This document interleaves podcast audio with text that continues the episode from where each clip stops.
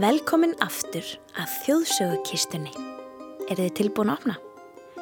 Við vitum aldrei hvað sögur getur skotist upp úr kistunni. Þar gætu alveg verið smá draugalegar, fyrðulegar eða jafnvel alveg út í hött. Hver veit, kannski fáum við fyndna sögu, fróðlega eða sögur sem kennir okkur eitthvað neitsamlegt. Sjáum hvað gerist.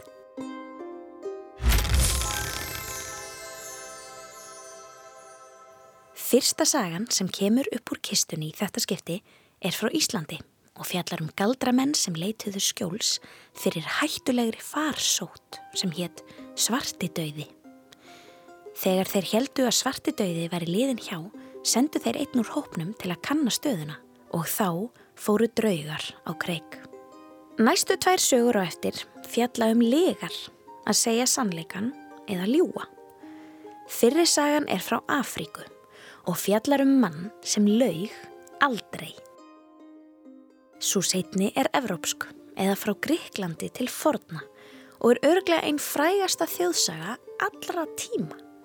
Úlfur, úlfur. Kannisti við það? Jæja, eru þið tilbúin? Hlustið nú vel.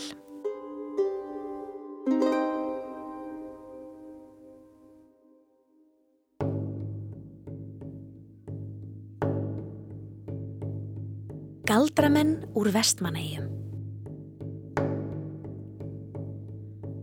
Þegar svarti dauði geisaði á Íslandi fyrir mörg hundruð árum síðan tóku átján galdramenn sig saman og stopniði félag. Þeir fóru allir saman út í vestmanæjar og ætluði að verja sig dauðanum þar, einangra sig og býða eftir því að þessi hræðilega farsót væri yfir staðin. Stoppum aðeins hér. Hvað er svartidauði? Svartidauði er smitsjúkdómur sem smitaðist upphaflega í menn frá nægdýrum eins og róttum og getur valdið lúnabólgu og kílapest. Svartidauði dreifðist um heiminn með skelvilegum afleiðingum, sérstaklega á 14. öld í Evrópu, Asíu og Norður Afríku. Þá var heilbreyðiskerfi heimsins ekki jafn upplugt og í dag og rosalega margir dói.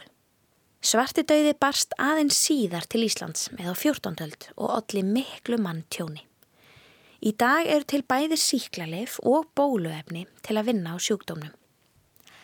En aftur til Íslands á tíma svartadauða þegar engin leif voru til til að lækna fólk. Þegar galdramennir í vestmannegjum sáu að farsóttinu var að ljúka í landinu vildi þeir vita hvort að einhver manneskja hefði lifað af. Þeir ákvaðu að senda einn galdramann upp á land. Þeir völdu þann sem var kvorki mestur nýja minnstur af þeim. Áður en hann lagði að stað upp á land sögðu þeir við hann að ef hann er ekki komin aftur fyrir jól myndu þeir senda honum sendingu sem myndi drepa hann. Áður en svarti döði myndi gerða. Þetta var snemma á aðvendunni.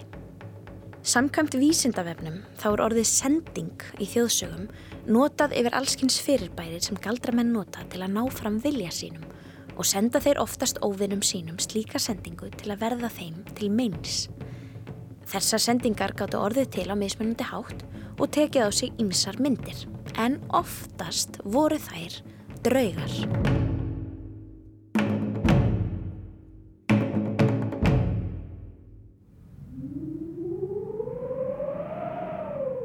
Maðurinn fór og gekk lengi og kom víða við. Hvergi sá hann nokkur lifandi mann. Bæir stóðu opnir og allstaðar var fólk sem hafði dáið í rúmunum sínum. Loksins kom hann að einum bæ þar sem dyrnar voru lokaðar. Hann var hissa en þó vaknaði brjósti hans von um að finna loks einhvern á lífi. Hann barði að dyrum og kom þar út ung stúlka. Hann heilsaði henni en hún hljópi fangið á honum og grét af gleði yfir því að sjá mann því hún sagðist hafa hugsað með sér að enginn hafi lifað af svarta dauða nema hún einn. Hún bað hann að vera hjá sér og hann játæði því. Þau fóru inn í bæin og töluði lengi saman. Hún spurði hann hvaðan hann kæmi og hvert hann væri að fara. Hann sagði henni það og myndist einnig á að hann yrði að vera komin aftur til vestmanæja fyrir jólinn. Hún bað hann að vera hjá sér sem allra lengst. Hann vorkendi henni og lofaði því. Hún sagði honum svo að það væri hvergi lifandi manneski að finna á svæðinu því hún hefði gengið vikuleið frá bænum í allar áttir og engan fundið.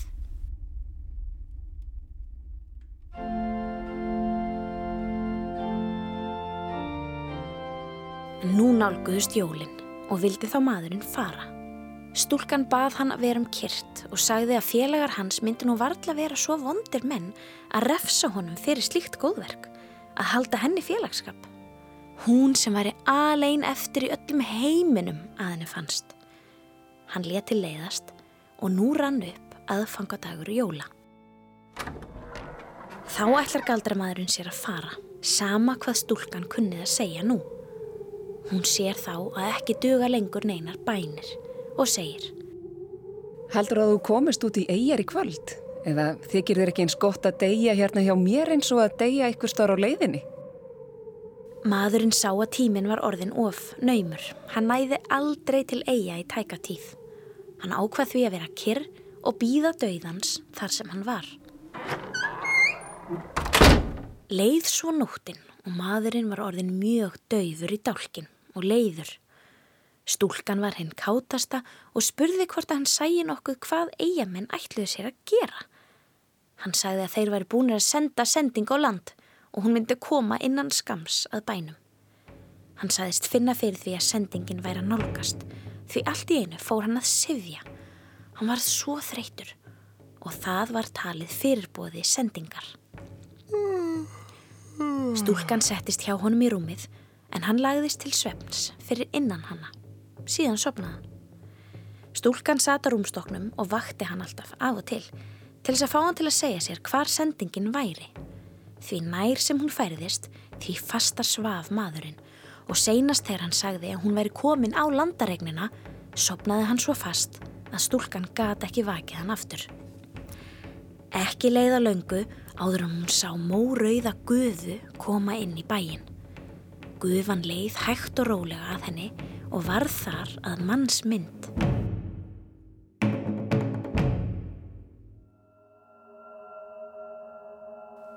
Hvert er þú að fara?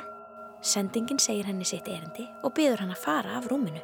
Því ég kemst ekki upp fyrir þig. Stúlkan segir að ef hún er að gera það þurfi sendingin að gera svolítið fyrir hanna í staðin. Og hvað er það?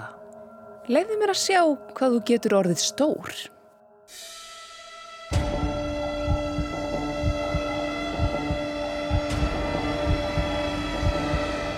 Sendingin játar því og verður svo stór að hún fyllir upp allan bæin.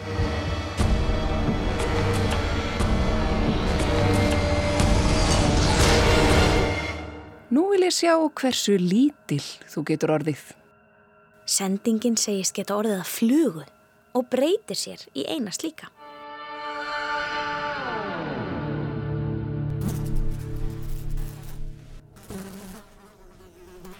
ætlar hún sér þá að smegja sér undir handakrega stúlkunar og komast þannig yfir í rúmið til mannsins. En lendir þá í sauðarlegg sem stúlkan hjælt á og fór þar inni, en stúlkan setti tappa í gatið. Let hún síðan leggin með sendingun í vasa sinn og vakti mannin. Þegar hann vaknaði undraðist hann mjög að hann skuli enn lifa. Stúlkan spyr þá hvar sendingin sé og maðurinn segist ekki vita hvað hafi eiginlega orðið af henni.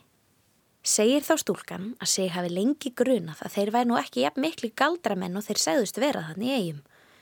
Maðurinn var rosalega gladur og nötu þau jólana saman með mikilli ánægi.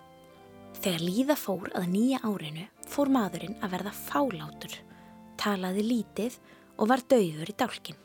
Hvað er að? Nú eru þeir í eigunum að búa til aðra sendingu og þeir munu allir magna hana í saminningu. Hún á að koma hér á gamlástag og þá verður ekki auðvelt að forða mér undan henni. Stúlkan segist nú ekki kvíða því. Og skaltu ekki vera hrættur við sendingar eigamanna. Hún var hinn kátasta og sagði manninum aftur og aftur að hafa engar áhyggjur.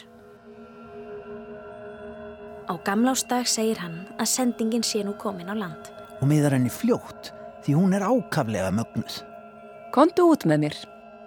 Hann gerir það og ganga þau þar til þau komað trjá runni í skógi einum. Þar stoppar hún og kipur upp nokkrum hríslum. Þar undir er steinhella sem stúlkan liftur upp. Undir hellunni er jarðhús sem er dimt og óurlegt. Þau ganga þar niður og elda döft ljós sem logar í hauskúpu af mannesku. Þar rétt hjá liggur Karl einn, heldur óurlegur, í rúmfleti við ljósið. Augun í honum voru rauð eins og blóð og var hann svo ófrínilegur að eigamanninum þótti nóg um. Það ber eitthvað nýra við að þú ert á ferðinni, fóstra.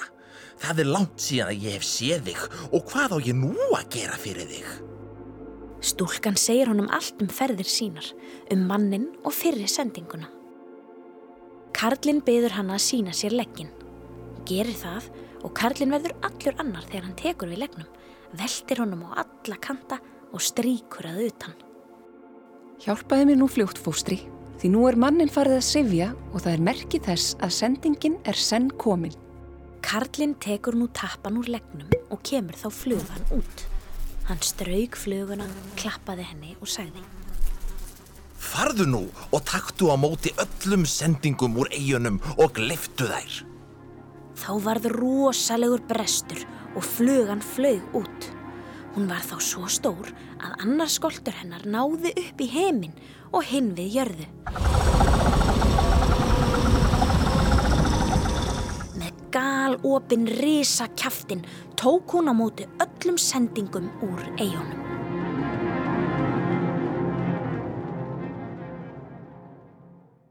Galdramadurinn úr eigum hafði aldrei séð annað eins.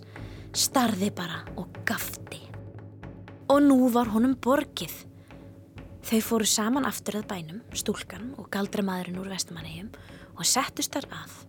Síðan lifðu þau hamingi söm til æfi loka.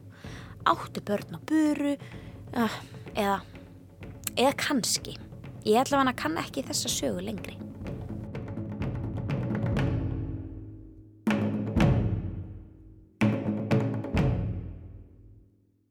Þjóðsögur ber oft með sér einhvern boðskap, kenna okkur hvernig við eigum að hegða okkur eða eru dæmisögur um hvað getur gerst ef maður hegða sér ítla eða gerir eitthvað ránt. Næstu tvær sögur fjalla um það að ljúa eða segja sannleikan. Maðurinn sem laug aldrei.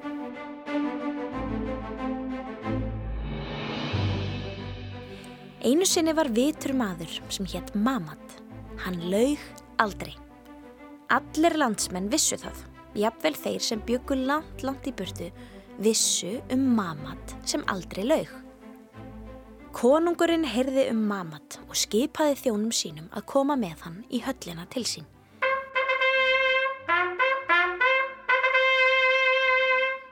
Hann horfði á vitra mannin fyrir framann sig og sagði Mamat, er það satt að þú ljúir aldrei? Já, það er satt. Og mynd þú aldrei ljúa í þínu lífi? Aldrei nokkuð tíman, það er ég vissum. Allt í lagi, segð þú sannleikan áfram, en farðu varlega. Legarnar eru lægvísar og þú veist aldrei hvernig það geta rúla fram af tunguðinni. Nokkrir dagar liðu og konungurinn kallaði Mamat aftur á fundsinn.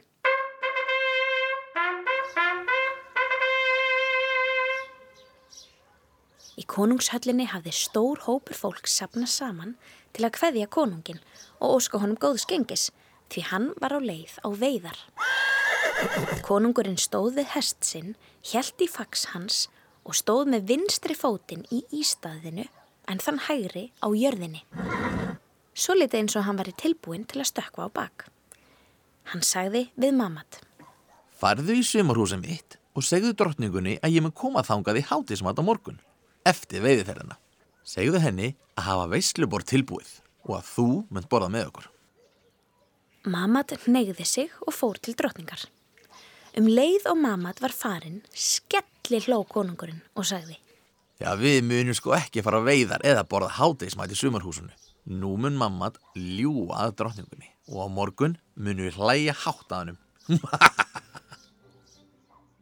En hinn vitri Mamat fór í sömarhúsið og sagði við drottningu. Kanski ættir þú að undirbúa hátegismat fyrir kongin á morgun og kanski ekki. Kanski kemur kongurinn og kanski ekki. Segðu mér bara, kemur hann eða kemur hann ekki? segir drottningin óþreyjufull. Ég veit ekki hvort hann settist upp á nakkin eða steigur í staðinu eftir að ég var farin. Allir byðu eftir konginum. Dægin eftir kom hann í sumarhúsið og sagði við drottninguna. Hinn vitri mammat sem lígur aldrei, lauga þér í gær. Drottningin sagði honum þá það sem mammat hafi sagt og kongurinn áttaði sig á því að vitrar manneskjur sem aldrei ljúa segja bara frá því sem þau sjá með eigin augum.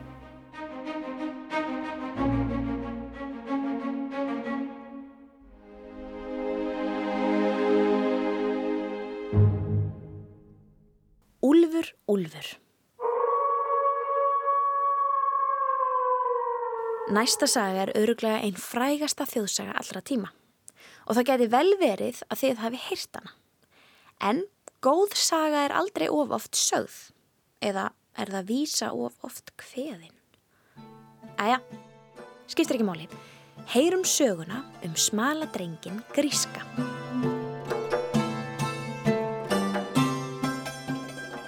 Þessi saga kemur úr dæmisögum Esóps, en Esóp var þræll og sögumadur sem talið er að hafi búið í Greiklandi til forna.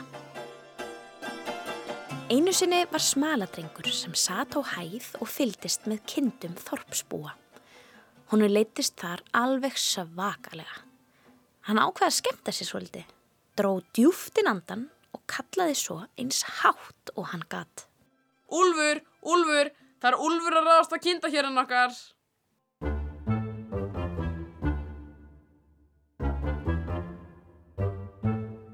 Allir þorpsbúarnir stukku af stað þegar þeir heyrðu ópinn í drengnum, hlupu upp hæðina til að hjálpa honum að rekja úlfin á brott.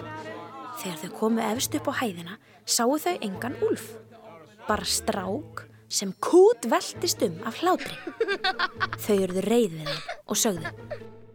Ekki kalla úlfur úlfur eða er engin úlfur á svæðinu.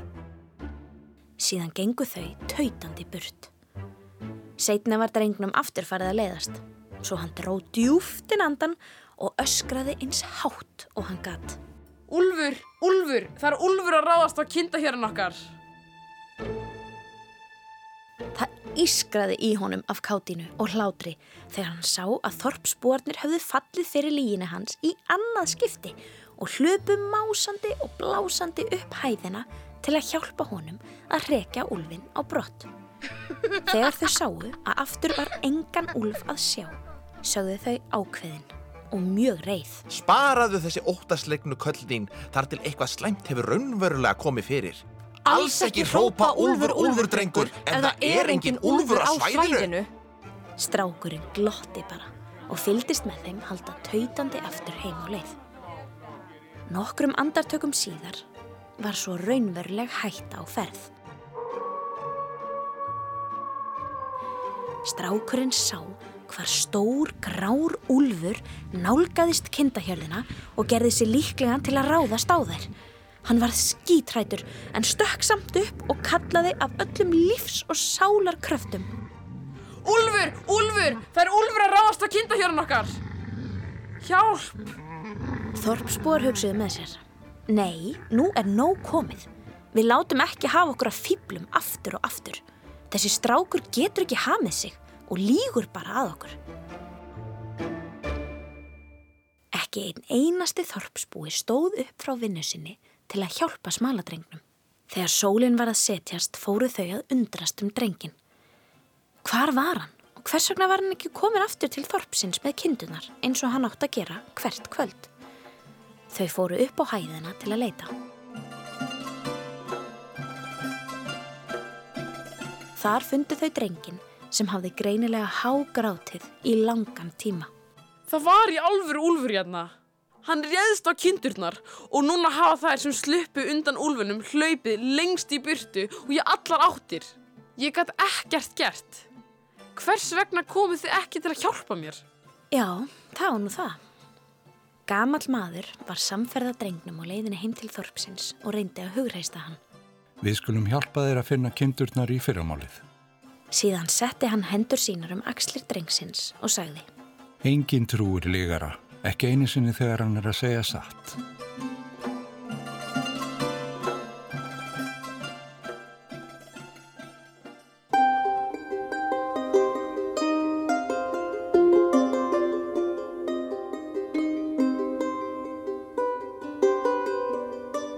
Höfum við það.